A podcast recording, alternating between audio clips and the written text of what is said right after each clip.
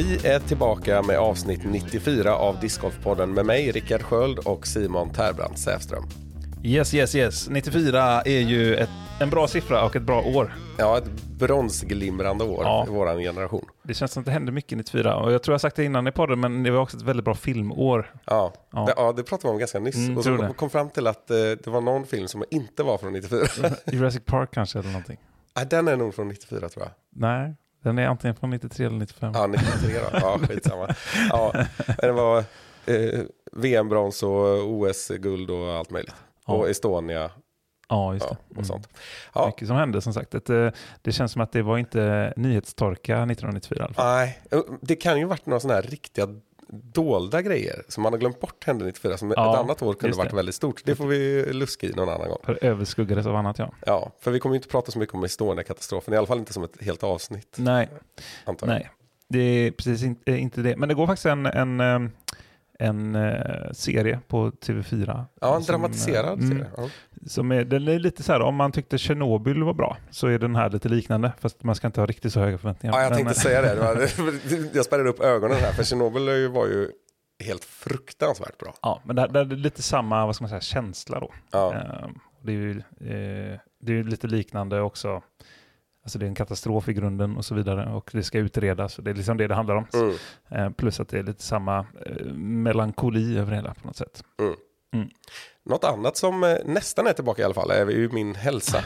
Av din röst börjar smyga sig fram. Ja, exakt. Nu tyckte jag ändå att den, jag hör ändå att den låter inte hundra eh, som jag trodde. Men eh, det, det börjar bli bättre. Jag Mm. hörde, nu har jag varit sjuk kan man väl säga då. Eller som från att startade eh, i tre, drygt tre veckor. Och så fick jag höra från min svägerska Anna-Karin, du vet. Mm. Eh, att, som är sjuksköterska då också ska sägas. Att eh, man ska räkna med sex veckor. Och då blir det, när jag räknar, eller kollar bara snabbt i huvudet. Kolla lite jag huvudet. öppnade huvudet och kollade in lite. Då eh, såg jag att från den här söndagen som jag blev sjuk så är det exakt sex veckor till söndagen som är nyårsafton. Så att 2024, då jävlar. The year of Richard. Jajamän. det, det är så det kommer bli. Ja. Vad ska vi prata om idag då? Jo, nej men vi har ju ett litet smörgåsbord. Mm, eh, framförallt, eh, och ett ganska stort smörgåsbord när det kommer till eh, eh, lite olika stats eh, kopplat till 2023. Mm. Eh, som du kommer att presentera framförallt. Mm. Och det ser vi fram emot. Och eh, sen så ska vi väl, om tiden räcker till, prata väldigt, väldigt kort om någon regeländring Mm. inför 2024. Eh, PDGA då alltså. Och sen dyker vi in i en liten, liten snackis kopplat till Disc Golf Sverige på Facebook. Ja. Mm, det är väl ungefär de sakerna som vi har att se fram emot här. Så sitt kvar i båten. Eller spring vidare om du lyssnar på löprundan eller vad, Ja, vad du nu gör. Exakt. Spänn öronen. Mm. Mm. Vi kan också passa på att säga att eh, det var lite strul med eh, ljudet i förra avsnittet. Eh, så det blev både, eh, jag fick klippa bort eh, rätt stora delar av avsnittet och lappa ihop. och det, tror- jag tror det blev bra, bra ändå. Det, det blev tillräckligt bra för att släppas tyckte vi. För vi har ju ändå någon typ av, eh, och nu ska jag hitta ordet här, yrkesstolthet. Ja.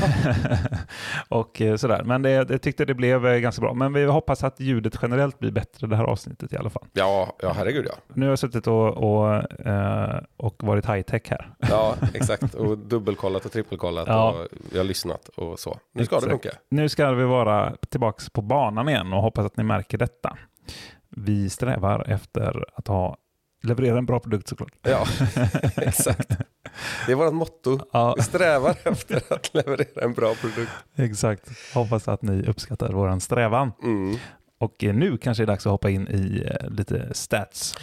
Ja, och det handlar då om de här Pro Disc Golf Stats som eh, sammanställs av Udisk eftersom de Mm. är leverantören på något sätt till de stora tävlingarna. Just och. Disc Golf Pro Tour och så vidare. Och lite utan vidare än så också tror jag. Mm. Att det räknas in här. Ehm, och där de, eh, där, de utser, eller de sammanställer topplistor i olika kategorier helt enkelt. Där man kan se vem som är bäst på vad. Sånt är kul. Ja, det är det. Och vi ska försöka levandegöra detta lite grann och hitta lite röda trådar och så här. Det går inte att sitta och rabbla upp sånt här. Tycker inte jag i alla fall. Till en viss gräns. Ja, till en viss gräns. Och du har ju fått undvika att titta på de här då, så att vi kan ha lite dialog där en eh, vet och en annan inte vet. Mm. Så nu är det dags för mig att se dum ut. Ja, Ser fram emot. Och då tänkte jag att vi pratar om FPO här först. Och då är det, det börjar, allting börjar med lite puttning. Mm. Och då... eh, Annars brukar ju sluta med puttning. Ja, exakt. Man spelar ett hål. Så vi gör tvärtom. Ja, det är helt rätt. Helt rätt. Eh, Det är lite grann på grund av att Alex Williamson har gjort så i sin sammanställning. Men Classic Alex. ja, och tänker man puttning och FPO eh, nu för tiden så tänker man ju på en eh, särskild person skulle jag säga. Uh, ja, ja okej, nu ska jag gissa då vem som ligger i toppen här då, helt enkelt. Ja, ja precis. Vi kan börja med eh, cirkel 1-puttning då. Och då handlar det Ja. om det här som kallas för C1X. Just det. Och vad är det? Jo, det är puttningen inom cirkeln, alltså inom 10 meter. Men bortsett från de där eh, Bullseye, ja. bullseye 3,3 meter närmast korg. Som ju man förväntar sig att spela på den här nivån sätter nästan 100 procent. Förhoppningsvis, näst, de flesta gör nog det. Ja, man tar bort tappins i stort sett då, ja. Ja. Ehm, nej, men det borde vara Ons Skagens. Så är det. Ja. Ja. Och eh, intressant nog så har vi då en europe på andra plats. Som inte är Kristin Tatar. Nej, jag skulle säga det låg ju annars nära till hans då. Mm. Ehm, men då är det frågan, då är det säkert någon av eh, de lite mer nya finskorna, eh, för de borde ju vara med i statistiken där ändå. Antingen då, för även om de har blivit bättre i år, Blomros och eh, Saronen, eh, så är det ju inte deras styrka. Nej, Ehm, de så- är inte med i toppen där. Och jag Nej. sitter och nickar när eh, Simon resonerar här. Ja, men då, är, då kanske det vill dra till med Silva Saarinen. Jag har för mig att hon var en jäkel på putta. Hon är en jäkel på att putta. Ja, Hon är tvåa. ja nice. Oh, Det går bra. Och det är faktiskt flera eh, europeiska inslag här. Men jag har lite mer det temat på MPO sen. Mm. Ja, kul, Så att, eh, ja, men, vi, det, men mycket riktigt också, de...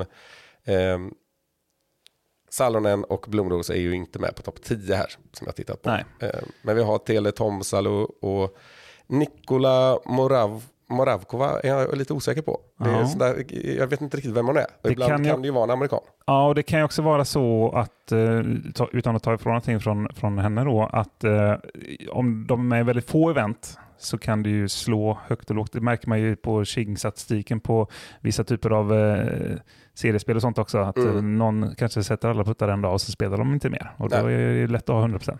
Ja, det är aldrig lätt, men nu fattar Ja, precis. Och här, här finns det ju ett, ett minimum man ska spela. jag. Okej. Men eh, det är ändå ganska lågt satt. Mm. Och vissa är ju extremt aktiva. Mm. Det finns en lista på det också, vem Ja, som är mest aktiv.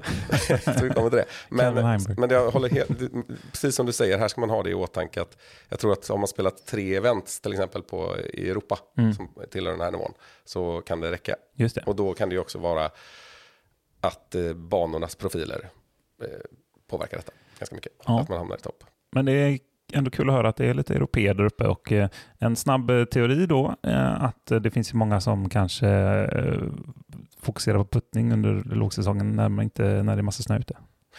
Det är en intressant teori. Mm. Det är det. Ja. Men europeer är bra på att putta i alla fall då. Ja, det kan vara så. Det kan vara så. Mm. Eh, men inte bäst. För eh, i cirkel 2 då, jag ska inte fördjupa mig så mycket i, i hela nej, listorna där. Eh, cirkel 2, där har vi samma duo i toppen. Mm. Det är Own Skagins som är etta och sen har vi Silva Saarinen. Det intressanta här då är, skulle jag vilja säga, för pratar vi FPO och stats Mm. så är det ju Kristin Tatar vi kommer behöva prata om. Ja, Hon är inte med på topp 10 i cirkel 1. det är väl det att hon är så jäkla allround helt enkelt. Eh, och liksom har ingen, även om hon inte är toppen på allt så har, är hon ju definitivt inte i botten på något så att säga. Men jag ska komma det. Hon är i toppen på mycket. Ja, Men hon är inte med topp 10 i eh, cirkel 1. Hon är bara fyra på cirkel 2. mm. Eh, men sen kommer vi då in på vad är det som gör att eh, Tatar är så överlägsen då? ja just det. Hon har väl parked stats som ligger rätt högt då kanske. Ja, Ja, hon är bäst i följande kategori. ja. Hon har eh, satte flest cirkel 1-puttar i rad. Alltså en streak då över två veckor på typ drygt 80 puttar, eh, cirkel 1-puttar i rad. Då är det alltså då, missar hon en cirkel 2-putt så fortsätter ju streaken om hon sätter cirkel 1-putten sen. Eh, där var hon, eh, eh, ja inte överlägsen kanske, men eh, hon var före Ons Scoggins. Mm. Dock ska man då lägga in här att Ons Scoggins var både tvåa och femma på den listan. Hon hade, hade två sådana väldigt långa streaks Ah, under året. Mm, ja. mm, Eh, men inte längst, för det hade Tatar. mm. Eh, Tatar var också bäst på fairway hits, ganska överlägset. Mm. Hon låg på 78% och övriga på plats 2 till 10 låg mellan 75,8 och 73,3. Så det var liksom nästan lika tajt mellan Tatar och tvåan som mellan tvåan och tian. Där kan jag tänka mig att Evelina och, eh, hen, och eller Henna är med. Det ska vi kolla. Eh, För att kasta dem ett ben så att säga. ja, exakt.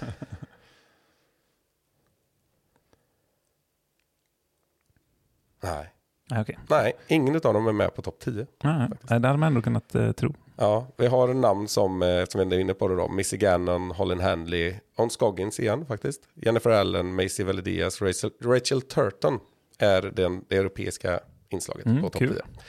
Så Juliana Corver, Sayananda och Maria Oliva, Olivia. menar. Eh, ja, jag har dessutom i, i detta fallet valt att hoppa över två kategorier. Mm. Som jag tycker blir mindre intressanta när jag tittar lite på siffrorna och, sådär och vad de innebär. Och det handlar dels om längd och distans och power precision index och sådär. Men där tycker jag det blir lite rörigt och det har väldigt mycket att göra med vilka hål och banor man spelar. Och där man har gigantisk nedförsbacke och kan kasta 160 meter. Och så vidare. Jag tyckte inte att jag såg något superintressant där i alla fall. Så vi hoppar vidare till vad Tatar fortsatt är bäst på då. Hon hade också störst andel birdies. Mhm. Eh, ganska överlägset där också, 38,4 procent. Hon hade längsta bogeyfria svit som sträckte sig över 74 hål i rad. Ja, det är bra. Ja. Och det, där blir det ju också intressant och kanske inte så himla oväntat, men det är nästan exakt samma period som man alltså inte missade någon cirkel 1-putt. Ja, just det. Det är alltså från runda 3, hål 2 på Blue Ridge Championship i april Mm. till två veckor senare på Champions Cup på fjärde rundan på den. Men hon höll då ut från hål 2 till 18 med cirkel 1-puttarna. Hon hade fler satta cirkel 1-puttar i rad än bogeyfri. Ja, ja, ja. Det. Mm. Så hon satte väl en bogey där på hål 2 eh, på Champions Cup. Men inte, hon satte den från cir- cirkel 1 helt enkelt. Ja, det var ingen missad putt. Nej. Nej. Men i alla fall, hon har längsta bogeyfria sviten också. Eh, hon har också lägst andel bogeys, alltså bogey rate. Och sen har hon bäst bounce back. Och vad är det Simon? Det är när man sätter birdie efter att ha haft en bogey. Va? Ja, Mm. precis. En, en birdie efter att eh, bogey eller värre då. Ja, eh, och där är hon helt överlägsen också. På 42,8 procent. Så ser du eh, Kristin Tatar göra en bogey eller värre så kommer hon förmodligen bjuda på en birdie. Mm. Eller förmodligen, det är ju trots allt mindre än 50 procent. Men Och- ganska sannolikt då. Där, ja, absolut. Och där, det, och där är en intressant spaning, eh, kan jag tycka, att eh, det har ju ofta präglat på Macbeth, att man har pratat om det. Mm. Att, och det ligger nog något i att det liksom är en storhet i det. Att man kan växla, omväxla fokus och tagga till Mm. istället för att gråta ner sig. Ja, och, det, och det visar ju Tatar och Macbeth på historiskt att de verkligen är duktiga på. Det, det, det känns som ett väldigt tydligt tecken på någon sorts vinnarmentalitet. Ja, ja. Mm. exakt. Men utifrån detta kan man ju då konstatera, för Qatar var inte heller riktigt med i de där kategorierna som jag, eller jag tror inte de var med alls på topplistorna, eh, som hade med eh, distans att göra. Så man kan ju säga att man behöver inte kunna kasta längst eller putta bäst för att vinna. Eller i detta fallet, man kan till och med, eh, man behöver inte kasta längst eller putta bäst för att vara helt överlägsen. eh, Ja, det är intressant också. Ja. Det är ofta de två sakerna man diskuterar mest nästan. Ja, men exakt. Och det, sen vet jag inte riktigt om man kan säga så ändå. För upp, någonstans går det att göra analysen här. Tatar då, som du säger, är väldigt allround. Hon eh, är bra på att eh, ligga på fairway istället för i ruffen. Hon gör väldigt få bogeys och hon gör väldigt mycket birdies. Och hon sätter ju uppenbarligen ändå ganska många cirkel 1-puttar även om hon inte är på topp 10. Mm. Eh, så hon ligger nog, som du var inne på då, väldigt nära topp 10 och sådär. eh, På även de kategorierna där hon inte är bäst eller i toppen. Ehm, men hon är ju trots allt ganska bra på att putta och hon kastar ju ganska långt också. Ja, Så att eh, så är det ju. det, Framförallt både med backhand och forehand också, vilket är eh, få förunnat ändå. ja. Men det finns någon sorts jämnhet och lägst, hög lägstanivå som gör detta. Och uppenbart också, också får genomslag bara över tre rundor. Mm. Att hon är så överlägsen på att eh, prestera i allmänhet. Ja, jag håller med. Ja. Sen var det den här kategorin då med de mest aktiva spelarna på den här eh, högsta nivån då. Det, står, det är definierat som highest level tournaments. Jag antar Majors, Elite Series. Jag tror även Silver Series, och jag tror kanske alla 8 years på något sätt. Ja, precis. Nu snackar vi inte det som till exempel Emerson Keith har varit så eh, intensiv med de senaste åren. Alltså att eh, helt enkelt flest PDGA-event, inte det vi pratar om här, Ja, utan nu är det på, på en hög nivå dessutom då. Ja, jag, Vilket han säkert kan ligga högt på också så sett. ja nej, men jag, och jag tror att det är från 8 year och upp. Så att då, jag såg, var inne på någon spelare sådär som hade spelat, det, det räknas in med norska mästerskapen till exempel. Mm. Och då är det ju inte någon av de andra. Då är det ju en 8 year. Så du spelat SM i Sverige och sådär. Så skulle det räknas in. Till exempel. Men det var väl ungefär det. Men Holly Findley är alltså den som har spelat mest på den nivån. Hon har spelat 1656 hål på högsta nivån under 2023. Hur många 18-hålsrundor tror du det motsvarar? Eh, 1100 någonting. Ja, Eh, 1656. Ja, okej, men då borde det vara eh, typ 80. 92. Ja. Mm. Just det. Det är ganska bra jobbat. Ja, det är det verkligen. Man sitter och räknar efter det lite i huvudet här. Och det är ju åtminstone 33 runders eh, turneringar. Då ju. Ja, exakt. Och det finns ju inte så många fler på den nivån. Nej, Om man inte åker runt och spelar norska och svenska mästerskap. exakt. Nej men en Nej, men då har hon eh, verkligen eh, legat i, ja. Ja, ja men det, det tror jag. Hon Mm. har nog kanske inte missat någon Discord Pro Tour event. Nej, det känns nästan så. Inte på Elitseries upp i alla fall. Fast det är hon nog inte ensam om i och för sig tror jag. Ja, hon måste ju klämt in några extra helt enkelt. Ja, kanske. För är det långt hopp till tvåan eller? Eh, Jag ska inte ställa sådana frågor. jo då. Eh, det är inte jättelångt kanske, men eh, 89 18-årsrundor då, 1602 hål på Deanne Carey. Och sen är, ligger det där över 1500 hål i alla fall på topp 5. Mm. Så det är ganska jämnt. Mm. Vad är nästa statistik vi ska hoppa in i? Ja, nej, det, det var det ja. om FBO. Så det var ganska snabbt avklarat. Ja, ja, visst. Men det är, väl, det är ju alltid kul att prata om eh, den här typen av, eh, eller vad ska man säga, det föder tankar. Statistik föder tankar, vilket är intressant. Mm. Eh, så det, det ser vi fram emot att och kolla även på FBO-sidan. Men vi tänker att vi ska bryta av lite. Eh, vila, vila tankarna i, i en annan riktning på något vis. Och eh, vad säger du om det Rickard? Ja, absolut. Det tycker jag låter vettigt. Ehm, Så vi tänkte, vi, vi är bara en liten snabb shoutout här egentligen till eh, en Facebookgrupp som ehm, Heter Disc Sverige. precis, och där har vi just nu den årliga stora omröstningen som pågår för fullt eh, kopplat till eh, Sveriges bästa 18-årsbanor. Mm. Och eh, jag tror det är i eh, talande stund är uppe i den fjärde åttondelsfinalen och nu är det måndag och när detta släpps då så är vi väl antagligen på typ den sjunde eller något sånt. Ja, Eh, åttondelsfinalen. Och så sen så kommer då de bästa där gå vidare till kvartsfinaler och så vidare. bästa banorna i Sverige ja. Och Mm. det, blir, det är ni eh, pöbeln som bestämmer, eller på att säga. Nej men det är... Det, Discgolf Sverige Ja. helt enkelt. ja, exakt. Eh, och eh, det är ju ett sätt att göra det på. Mm. Och det är intressant. Ja, nej, men det är roligt och det är, vi kommer säkert dyka in i det när vi har ett resultat också, vilket är ju kul att följa upp då. Så jag tänker att vi kommer nämna det här så att vi får så bra eh, eh, deltagarprocent som, som möjligt. Vad är det man brukar säga när det är, när det är eh, politi, politik? Ja, ja, valdeltagande. Tack. Ja. Men eh, det har vi nämnt i två gånger avsnitt. Nej, det har vi inte, för det klippas bort förra gången. Jag är ganska säker på. Ja, det är. Ja. Mm. Annars skulle det varit med valdeltagande förra gången. Men ja, nej, gå med i eh, Disc Golf Sverige-gruppen på Facebook om det inte redan är det. Och in och rösta. Och Mm. gå in och rösta på din hemmabana nu då. Det är ju så det funkar i det här fallet. Alltså, Ja, om man tycker den är ja, precis. bäst Ja, ja, ja, helst, ja, det är klart. Vi ska uppmana till det, för vi vill ha lite kvalitet. där. Ja, det tycker jag. Men, men, det, är inte, det handlar inte om vem som har störst klubb. Liksom. ja, men i slutändan gör det nog det. Ja, ja, näst, ja, det, det finns ju en viss, eh, vilket vi, jag tänkte vi skulle diskutera när vi, när vi väl går in i resultatet, Ja, men, men det finns ju en viss eh, sån här att de banorna som har spelats mest och är bra kommer Ja, högt. Liksom. ja exakt. Ja. Ja. vi har varit inne på det förut och vi kommer vara inne på det igen. Mm. Olika faktorer. Exakt. Men, eh, mm. Eh, Så så är det. Men eh, så gör det precis. Och sen så eh, hade vi en liten, liten grej eh, kopplat till PDGA-regler som sagt. Eh, Som du kanske kan leda in oss i. Mm. De är ju väldigt aktiva på att göra regeländringar vid varje årsskifte. Ja. och också återkommande i den här podden att vi pratar om det. Att ibland känns det också som att vi måste ju ha några ändringar och så gör de några ändringar som blir till det sämre eller som är helt menlösa och som ingen bryr sig om. Sen är det såklart vissa saker man läser igenom här så är det ju sådana saker som behöver förtydligas och som man förstår om man är insatt i det då kanske eh, också som kanske framstår som menlösa bara. Det som vi har reagerat på är väl egentligen att vissa saker har gjort det till det sämre.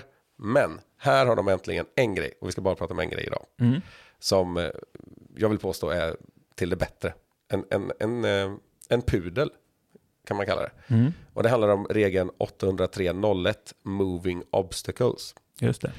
Och det var ju en regeländring som gjorde att man egentligen bara fick ta bort då sådana här hinder, tillfälliga hinder, eh, bös. Ja, döda pinnar Ja, och sånt. exakt. Eh, mer eller mindre precis i bara där man får stå bakom disken. Ja, just det. Vi, pr- vi pratade i avsnitt 37, om jag minns rätt, med Nicolo Castro om Ja. det här. När, Ja. när vi sa, det var ju lite inne på det här, "We- are we calling them out? När vi sa just att vi var trötta på att de ändrade bara för att ändra och så vidare. Ja, Eh, och då så sa han att uh, someone dropped the ball on this one. Och det har han helt rätt i eh, när de gjorde den här ändringen. Då, Mm. Att det är skaderisker och allt möjligt. Så, så då återkopplar vi till detta och säger Nico, du fick som du ville till slut. ja precis.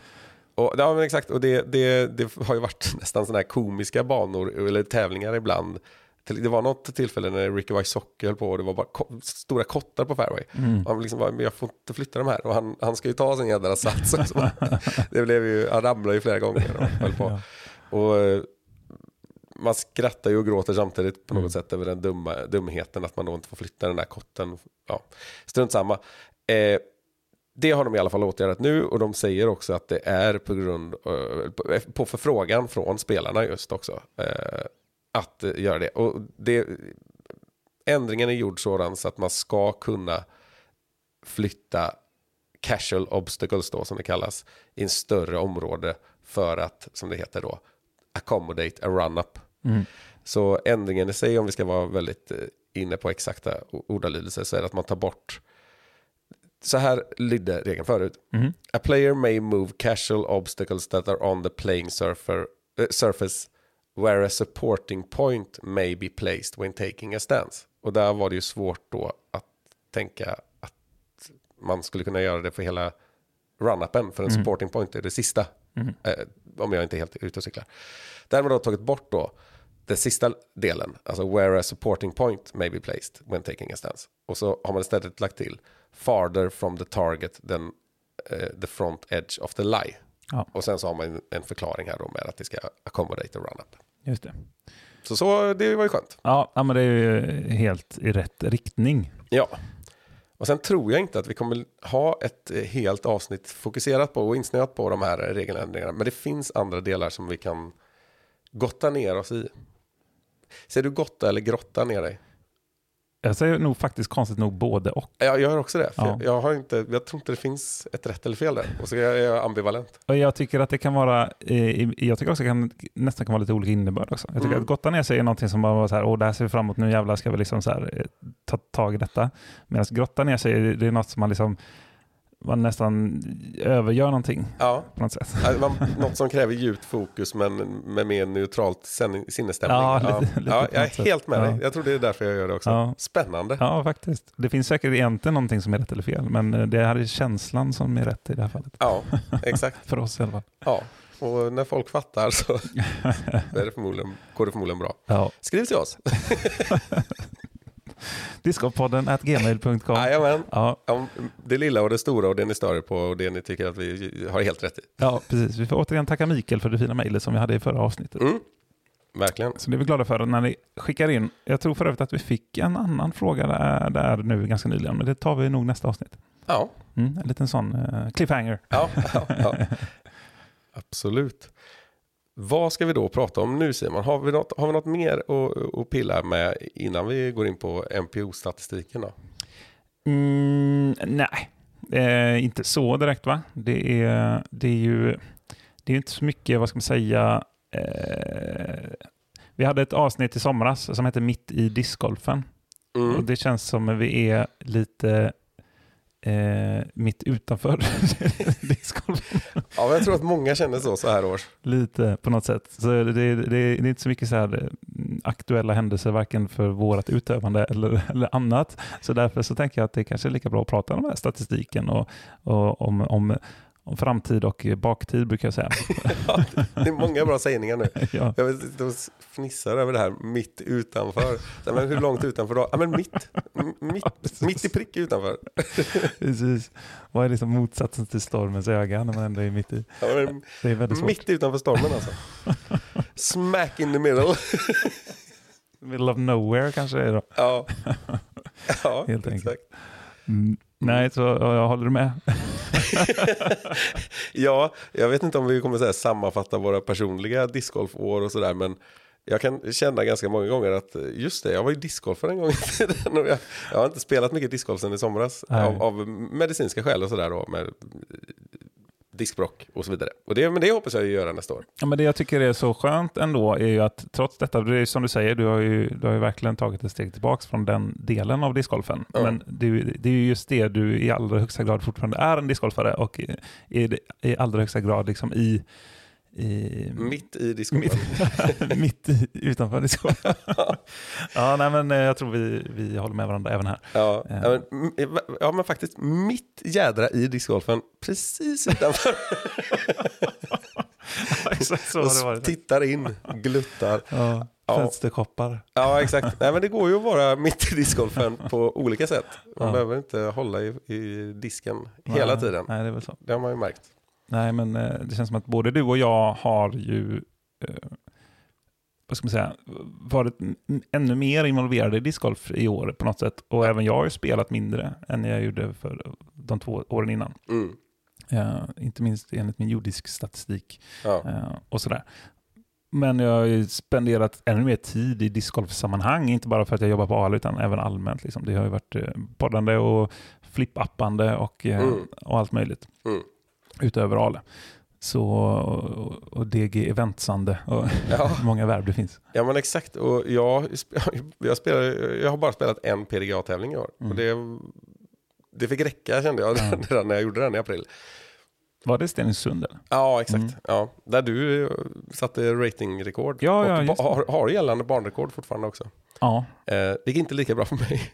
Särskilt inte på runda två. Men, nej, men däremot, jag har ju ändå spelat en del, i alla fall fram till juli någonstans.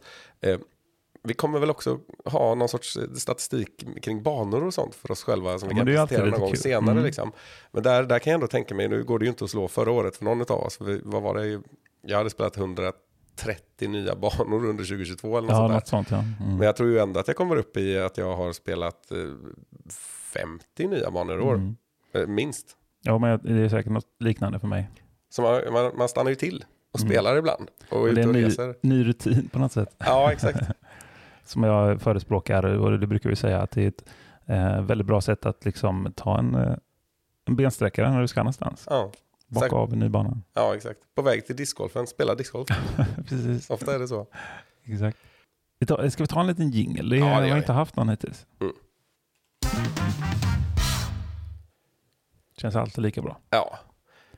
Men jag tycker att vi hoppar in i NPO-statistiken här nu. Men lite annan, eh, något, något annat öga får vi hitta längs vägen också. Mm, mm, mm. Eh, det jag tänker är att eh, när jag bläddrade igenom så såg jag ett lite större och bredare inslag av just europeiska discgolfare Mm. i statistiken.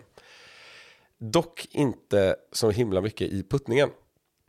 Men det är en herre, europeisk herre, som är väldigt duktig, nämligen på fjärde plats när det gäller cirkel 1-puttningen. Uh, aha. Är det någon som eh, ofta är på touren? Ja, ganska aktiv, men eh, nej, inte, inte, inte känd för det. Nej. Nej, nej, här är nog mest europeiska tävlingar, men definitivt vart över också. Det är inte liksom Niklas Anten. Nej, nej. Jag räknar Lisotte som europé i det- här sammanhanget, Ja. definitivt. Mm. Men det är inte han heller då. Nej, just det. Nej, det- jag tänkte på, som ju faktiskt vann eh, VM också eh, förra året i puttning, är ju Jakob Semmerad. Ja, Men eh, han hade ju också en momentary lapse, eller vad heter det? Alltså när han liksom tappade det lite på Skellefteå Open Och eh, sen dess har det hållit i sig lite grann att han varit lite ostabil, så jag vet inte om det är han. Men, Nej, det är, det är inte han. Eh, utan det är en lite bubblare här, men också eh, en eh, trevlig personlighet i Blair Örn Askersson. ah, ja, ja. Ja, men vad kul. Ja, så han ligger på fjärde plats där på 89,4 procent. Och vinnaren är inte så oväntat, för det har nog varit flera år i rad, nämligen Andrew Marweed. Ja, jajamän. Och han är ju trots allt mindre än 4 procentenheter före 93 procent. Men det är, det är högt. Mm. Det är väldigt högt. Och, och gå runt och putta 93 procent hit. Och det, det är som du nämner också, det är också ett statement. Jag tror det är tredje året i rad då som man vinner detta. Ja. Eh, och det är ju verkligen ingen tillfällighet att, att han sätter de där puttarna. Det är, det är lite häftigt, för han är ju inte... Det är inte så ofta han är uppe i toppen och slåss. Och han är ju... Annars är han ju också väldigt tydligt forehand-dominant. Ja. Eh, och det kan ju vara där att han tappar, för att det är nog viktigare att ha en väldigt bra eh, backhand ändå. Mm. Och eh, där, eh, där har han ju bevisligen lite att jobba på. På samma sätt som Chandler Kramer som visserligen har visat att han kan ju ta sig långt med sin forehand också. Mm. Men också haft ett tuffare år. Ja, han har ju verkligen inte synts lika mycket i år som eh, 2022. Nej. Ja, det fanns lite andra europeiska inslag. Det här är det ju inga, in- inga egentligen av de absoluta superstjärnorna. Om man är väldigt restriktiv med vilka som är superstjärnorna. Mm. Eh, för vi har James Proctor, Chandler Fry, Paul Krantz, Paul Ulibarri, Colton Montgomery, Eagle på nionde plats, Lisotte på tionde plats. Och däremellan då också en åttonde placerad eh, Elis Mattila. Ja, men det där är intressant. För då är det ju verkligen de som är eh, som man tänker är deras styrka är puttningen. Ja, Eh, och då visar det ju på att det inte eh, bara är så att man tror det för att de är sämre på andra moment, utan det är det för att de verkligen är duktiga på att putta. Alltså. ja exakt. De är bättre då än, än Paul Macbeth och en Eagle och en Lisotte och så vidare. Tittar man då på... eh, Heimberg. Ja, exakt. Ja, men precis. Och det, det, han skulle ju verkligen räkna till kategorin superstjärna. Ja, ja, visst. Eh, han är väl eh, nästan typexemplet på det, skulle jag säga. Ja. Men, eh, ja, och Eagle och sådär. Men tittar man på cirkel 2-puttningen då, inte en enda europé med. Eh, och vi har lite liknande inslag här. Vi har Jens Proctor på femte, vi har Andrew Marweed på åttonde och Chandler Fry på tionde. Det är de som är gemensamma för båda listorna. Men de ligger ju längre ner då. Här Är, har, är Conrad med? eh, nej, Och inte Kevin Jones? nej. Inte Nej. på någon av listorna. De var i och för sig, hade detta varit från 2022 så hade de nog troligtvis varit med. Men de har inte Ja. heller haft riktigt lika bra säsonger som, eh, som året innan. Nej, exakt. Men det är två som man kopplar till cirkel 2 Ja, annars. Liksom. Ja, och jag tror att många har hängt med i vem som eh, var starkast i cirkel 2 i år. Eh, Det var nämligen Gannon Burr. Ja, just det. Han hade över 40 procent Ja, det är bra. från cirkel 2. Alltså 167 satta puttar på 413 försök. Mm. Sen har vi Matty O. Är med Snyggt, där också snyggt. tvåa. Ja, han ligger på 37 procent. Och så har vi Wysocki på fjärde och Corellis, Matt Bell är ju en känd Ja, duktig visst. puttare på sjunde plats och sådär. Vi går inte igenom alla. Ehm, men i alla fall.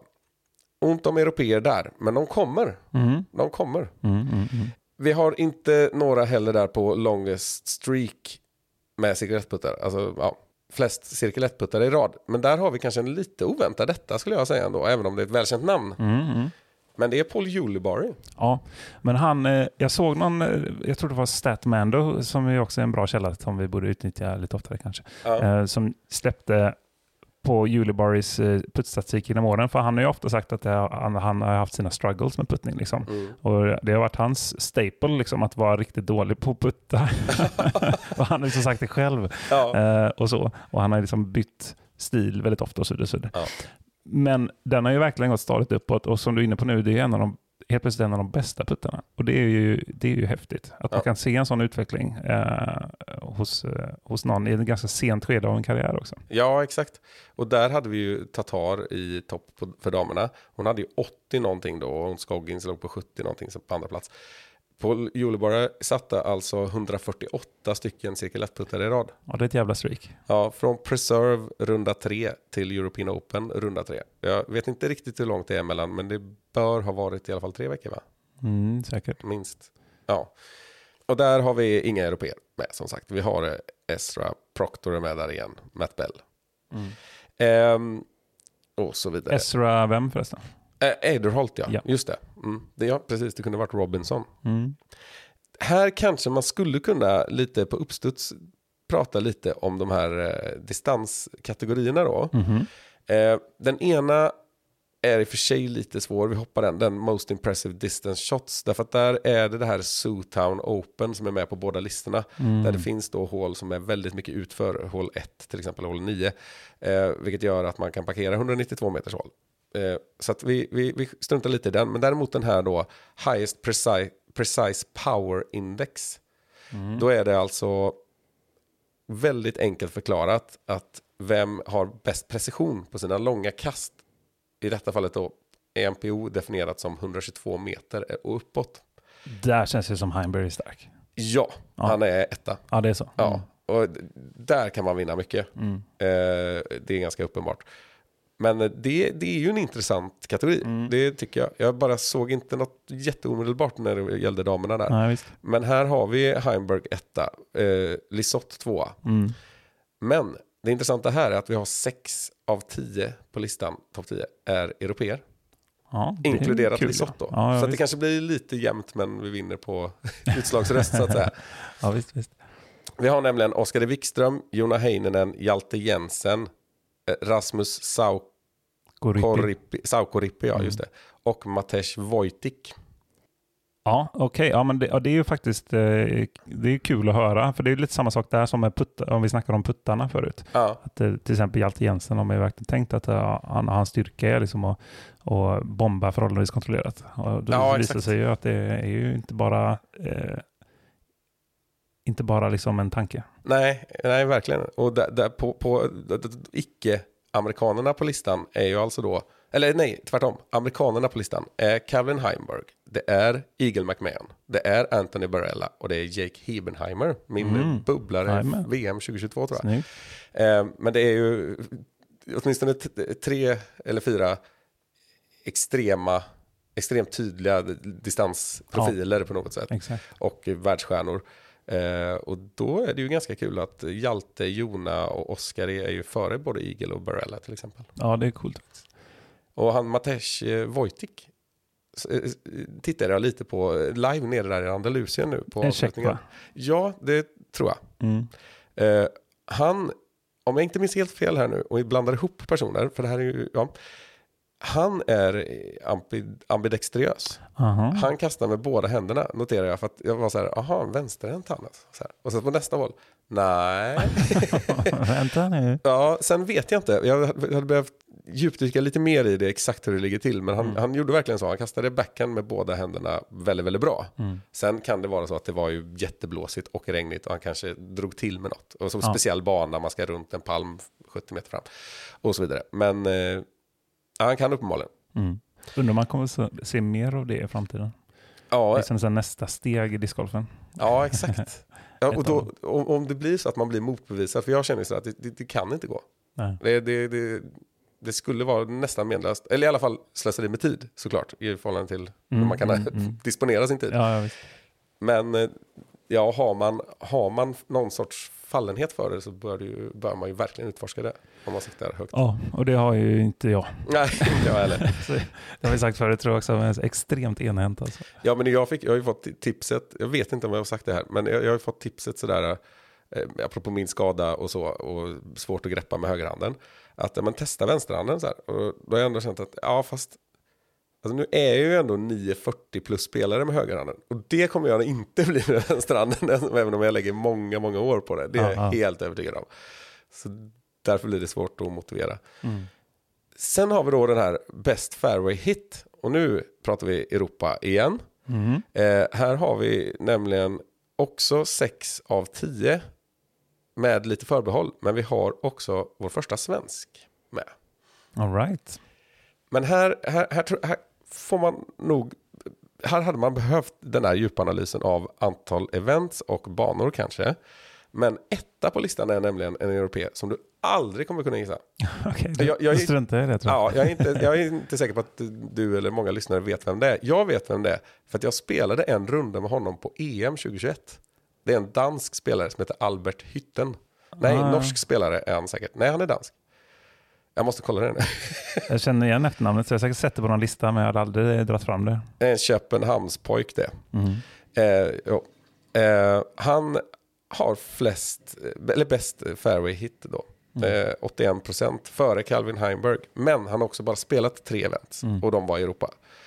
Så där, vi får ta det för vad det är. Och det Ja, precis. Och det kan ju vara lite öppna parkbanor så där man tänker att allt är fairways nästan. Ja, exakt. Så, Det är svårdefinierat i alla fall ibland. Ja, precis. Man, ibland kan man ju hamna utanför sweet spot, men man är inte ruffen, så Mm. att säga. Om banorna är sådana. Men med det Det- sagt så är jag nog en jäkel på att kasta från tid då, kan man tänka sig ändå. Ja, och det jag noterade när jag gick med honom för två år sedan drygt, det var att han, han kan ju kasta långt också. Mm. En, en, en duk, duktig med distansdrivers. Liksom. Mm, mm. Men vi har eh, spelare som Heimberg är ändå tvåa. Vi har Leigh Viska, vi har Isaac Robinson. Det hade varit konstigt om han inte började dyka upp i toppen Ja, snart. exakt. Eh, och vi har Chris Dickerson. Och Rest- känns också rimligt. Ja, resten är europeer. Vi har nämligen Otto Mäkinen. Vi har, eh, jag hoppar över svensken här nu då. Och så har vi Mauri Willman. Mhm. Vi har Peter Lunde och vi har Niklas Antila. Och vi kan säga att alla de här européerna har nästan uteslutande spelat i Europa. Förutom Antila då, givetvis. Eh, jag noterade att eh, Mauri Willman var över och spelade i USDDC, men det är också det enda han spelar i Mm, USA. Just det. Han har ju vunnit några tävlingar, i alla fall på European Pro Tour under året. Mm. Så han har väl kvalificerat sig dit. Men vi har på sjätte plats har vi Gustav Dahlén. Ja, vad kul. Ja, och han har ju ändå varit aktiv och spelat ett antal större tävlingar. Om ändå alla i Europa. Men det är ändå på Copenhagen Open, Konopister, Swedish Open, Skellefteå Open, European Open, Åland Open och EM Och SM. räknas in. Ja, SM, nej just det, SM räknas inte in här på hans Nej, sida. okej, okej. Men det var Peter Lunde just som, där räknades eh, norska mästerskapen in. Skumt. Eh, så det var ju konstigt. Men eh, europeer är duktiga på att träffa fairway också, uppenbarligen. Eh, Eller så har det med banorna att göra. Vet du vad jag tror att det kan ha att göra med också? Att de kanske körde judisk i Norge, men vi gjorde Ja, ju inte just det. det. Ja, det vara. har det ju med att göra. Ja, vi har ju inte ens fairway hits på King. Nej, exakt. Där har vi det. Ja. Men i alla fall, jag tror att man måste ha med sig detta när vi, så, när vi kikar på detta. Men där, därmed inte lika... Därmed är det fortfarande kul att vi har både en, en svensk på listan och många europeer. Mm. Sen har vi då, jag har också hoppat över det här lite med Biggest Jump in Disc Golf World Rankings. Mhm. På damsidan så var den som var etta där var Jenny Karpinen. Hon hade hoppat 19 placeringar men det var också från 49 till 30. På här sidan är det i stort sett, det är ingen som har hoppat upp till topp 10. Så Nej, jag tycker kanske inte att det, det är Colry Dalen som har gått upp till högst position som är på 13 plats då nu från 56. Mm. Men han var inte etta. Eh, så det är många sådär, alltså har du hoppat 62 platser men du fortfarande är på 77 plats. Vi går vidare. ja. Men Pekka Hyvönen var det som har hoppat flest. Och det är ju jättekul. Han är definitivt någon man ska hålla koll på för övrigt. Det var mycket europeer där också. Många finnar. Sen har vi highest birdie rates. Vem tror du? Jag kan säga att här är det inte lika mycket eh, eh, europeiskt inslag. Det är tre stycken men alla är på plats 6-10. Um, Heimberg kanske? Jajamän. Mm. Och Eagle 2. Ja, snyggt. Ja, och Ricky Wysocki trea. Och sen har vi Gannon Burr, Macbeth. Och så har vi européerna då, är Willman, Lisotte, Antila. Och så har vi Isaac Robinson och Cal Klein där lite emellan på slutet.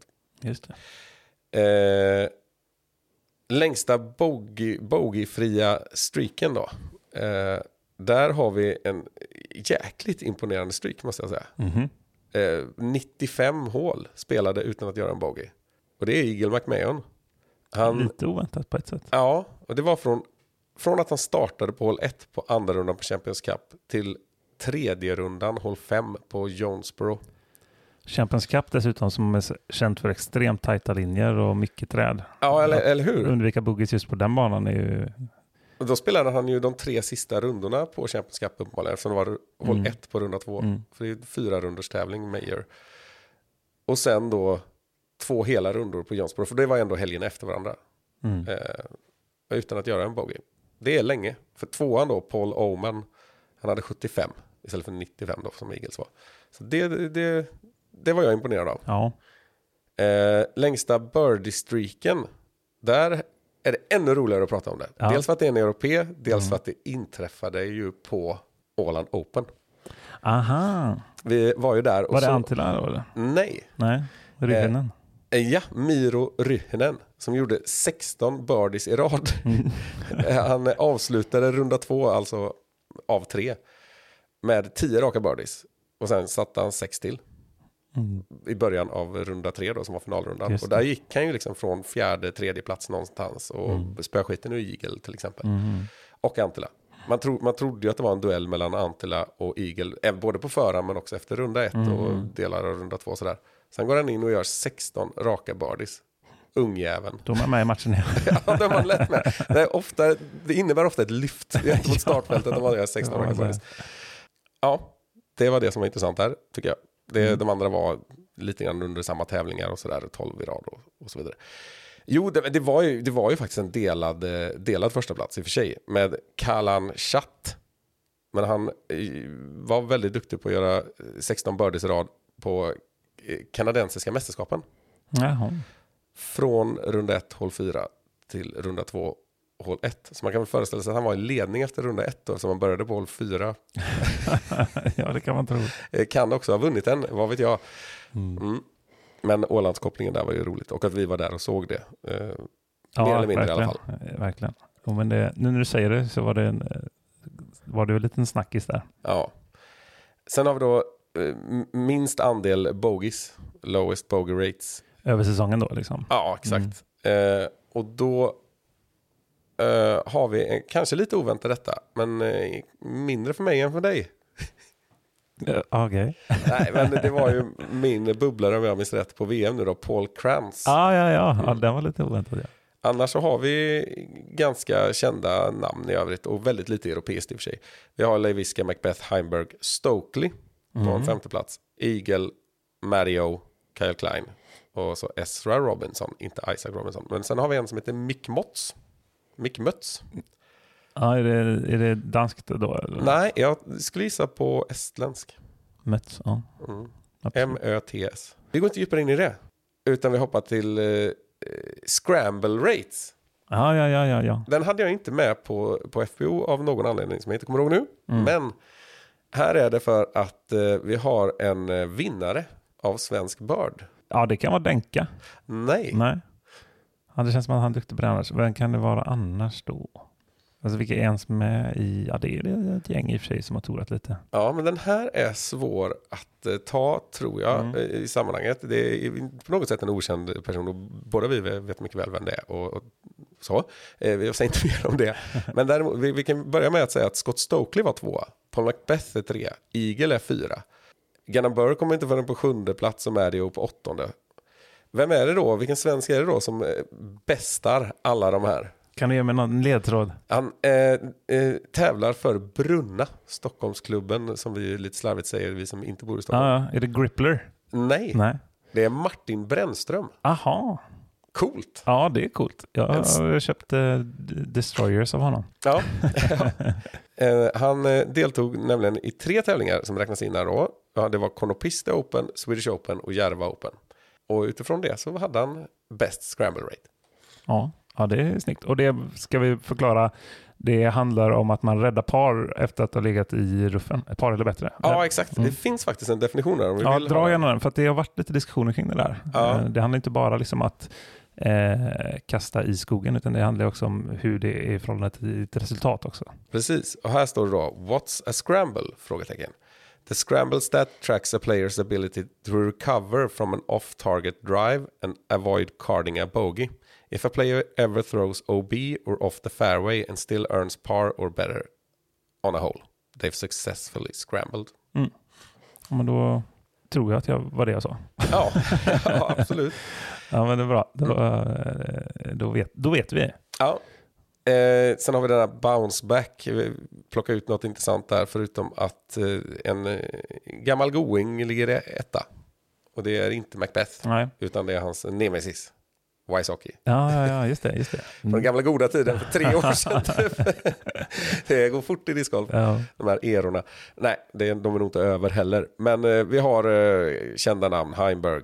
Men på tredje plats, Josh Anton. Som Jaha. han knappt visste spelade längre. Nej, lite så. Han kan inte kört så många event. Nej, och det, han har ganska låga, så här, hur många han har gjort, gånger han har gjort det av. Så så. Ja. Eh, sen har vi eh, europeiska inslag eh, insprängda mellan Eagle och Michael Johansson och Alden Harris och sådär och Estra Eiderholt. Men det är Nestori Tukkanen och eh, Onni Arminen. Men de har ändå spelat ganska många rundor. Ja. Ja, mest aktiva spelaren då? Det är faktiskt på här sidan så att eh, den här personen har spelat några rundor fler än vad Holly Finley hade gjort. Ja. Mhm. Oh, do, do, do, do. Inte många. Nej. Det var ju 92,0 rundor då på eh, Holly. Ja. Här är 92,3. Ja, nice. Nej, jag vet fasiken, det är så många att välja på. Du, får, du kan dra den. Vi har, det är världsmästaren Isaac Robinson. All right. Mm. Mm, mm. Och eh, ja, dubbla Mayor-vinnaren Isaac Robinson får vi säga. Han vann ju Champions Cup också. På andra plats har vi en, en europé som jag tror går att gissa faktiskt. Kan det vara Semerad? Han har spelat väldigt mycket vet jag. Jajamän. Ja. Ja, han är ändå en bit efter, Mm. men 84,8 runder. Så så var det med det. Och sen har vi ungdomen Gannon Borg, slinker in på en femte plats också. Han eh, orkar ju. Ja, ja. Keith var inte med där uppe den här gången eller? Nej, Nej. det var han inte. Han har nog haft det lite tuffare. Men han, Mm. ja, ja, precis. Det är som du säger. Det var något år han hade... Det var helt extremt. hur Ja, det var, PGA det var som många fler tävlingar, nu pratar vi inte rundor alltså, utan Nej. tävlingar än det fanns eh, veckor liksom. Ja, exakt. Liksom, alltså, betydligt mycket fler också, Ja. utan att komma ihåg en siffra riktigt. Ja, men det kan ha varit så här 150 Ja, tävlingar. ja, liksom. exakt. Och då är det bara 52 veckor på året. Han är så här, Jaha, det är tre timmars körning bara till en C-tier på en onsdag. Exakt. Taget. Exakt så. Ja. Och så förmodligen då spelat endagars tävlingar lördag och söndag Mm. i många fall. Men han har ju också liksom fått in en någon sorts torande i det där. Mm. Även då. Ja, det är fascinerande. Han eh, spelar ju, han spelar ju många fler event PDA-sanktionerade än vad folk överhuvudtaget kör rundor på ett år. Liksom. Ja, och jag skulle säga att eh, det är många som under en hel discgolfkarriär, oavsett nivå på karriären, aldrig kommer upp i 150 Ja, nej, det är också. Jag har passerat 100, men jag är inte mer än så. Vet du vad jag är på? Ja, du är nära mig nu eller? Eller förbi mig? Ja, det är klart du är förbi mig. Jag har ju bara spelat en i år. Ja, ja. Det, är det, som du sa så, så kommer det vara någon numerologi här. Det Så finns en liten rolig grej med det. Ja, jag tror att det är 111. Nej, men om jag säger Gretzky, Jaha, 99. så jag är snyggt. nästan hundra. Ja, ja, då har jag ändå fler, men jag, jag började också spela betydligt tidigare. Mer än dubbelt så länge fortfarande va? Det kanske är det. Nej, nej, nej, det är det nog inte. Ja. Nej, Ungefär, ganska Ja. exakt nu va? ja, det borde det bli. Det kanske är avsnittstiteln är då. Inte helt hundra. Ja. ja, där har vi det. Där har vi det. Ja.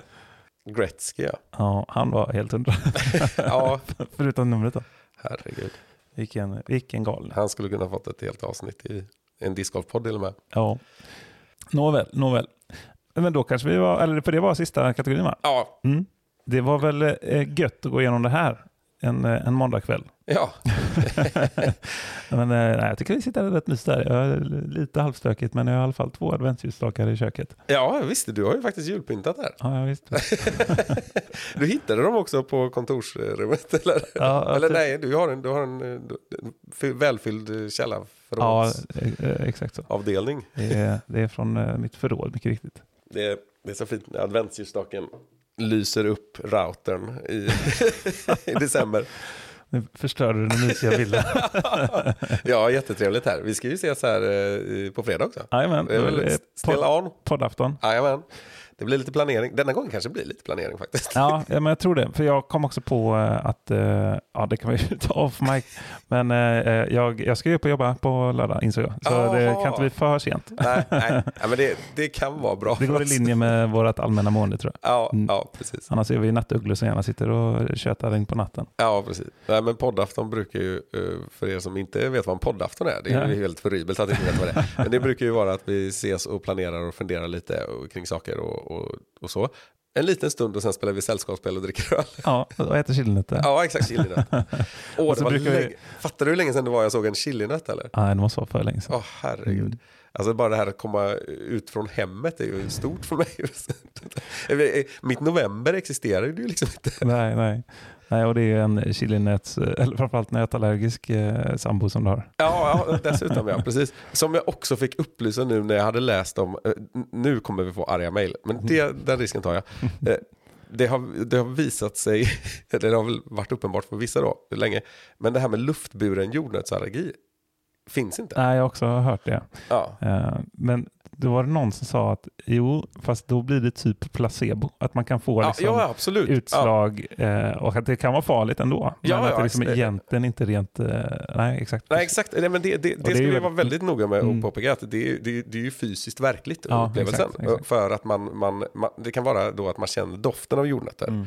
Om man har en dödlig jord- jordnötsallergi och kroppen reagerar med stress. Ja. Och då får man de här symptomen. Exakt. Vilket ju, även om man skulle vara medveten om det, kanske Mm. inte gör så stor skillnad. För annars skulle det ju kunna vara så här att, men vad fasen, om det nu inte är, finns det, varför är det förbjudet på plan och Ja, i ja, skolor visst. och det ena och andra? Exakt. Ja, men ja, det kan ju hända saker. Och det det, är det här av att eh, Alltså vetenskapen är helt, är, är helt hundra på detta. Mm. Det finns inte luftburen jordnötsallergi för att det är proteinet och så vidare. Men jag fick ju till och med upplysa min sambo om detta. Mm. Så här att, lite försiktigt så att, vet du att det är så här? För hon har ju också fått reaktion eh, eh, och, och har varit så där att man kan känna av det om det är en skål på en, i en bardisk. Ja. Eh, Och då har hon, har väl också kanske påverkats av att hon har känt do- doften någon gång. Och när de väl har fått den här reaktionen, alltså hela ansiktet svullnar upp och det är epipen i benet, då har hon ju förmodligen råkat få det på händerna givetvis. Alltså fått faktiskt jordnötter och fått i sig. Ja. Så, men eh, det var ju en nyhet för henne också. Att det var, de flesta jordnötsallergiker känner inte till detta. Eh, det var en spännande liten eh, utsvävning, tycker jag i alla fall. Jo, absolut. Det är fascinerande med det där. Något som jag har gått igenom lite nu det senaste, inte just mot jordnötter, men allmänt. Jag har åkt, ju- som jag nämnde i något tidigare avsnitt, åkte på någon allergisk reaktion som jag har fått eh, hantera och bearbeta och prata om de senaste veckorna. Här. Ja, det var lite elefantmannen Ja, ja. Vad var det? Varför kom vi in på det här med jordnötterna? Det känns som att det var någonting.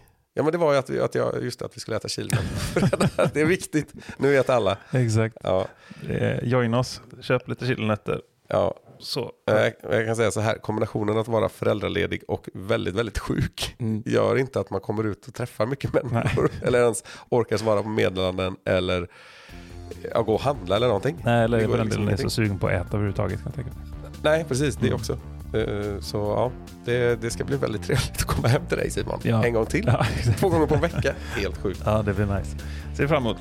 Eh, men eh, ni som har hängt med här, ni ska ha stort tack för att ni gjorde detta. Och så hoppas jag att vi hörs igen nästa vecka, för nu är det dags att gå vidare tror jag, Rickard. Ja, vi rundar av och knyter ihop. Det gör vi. Allt gott.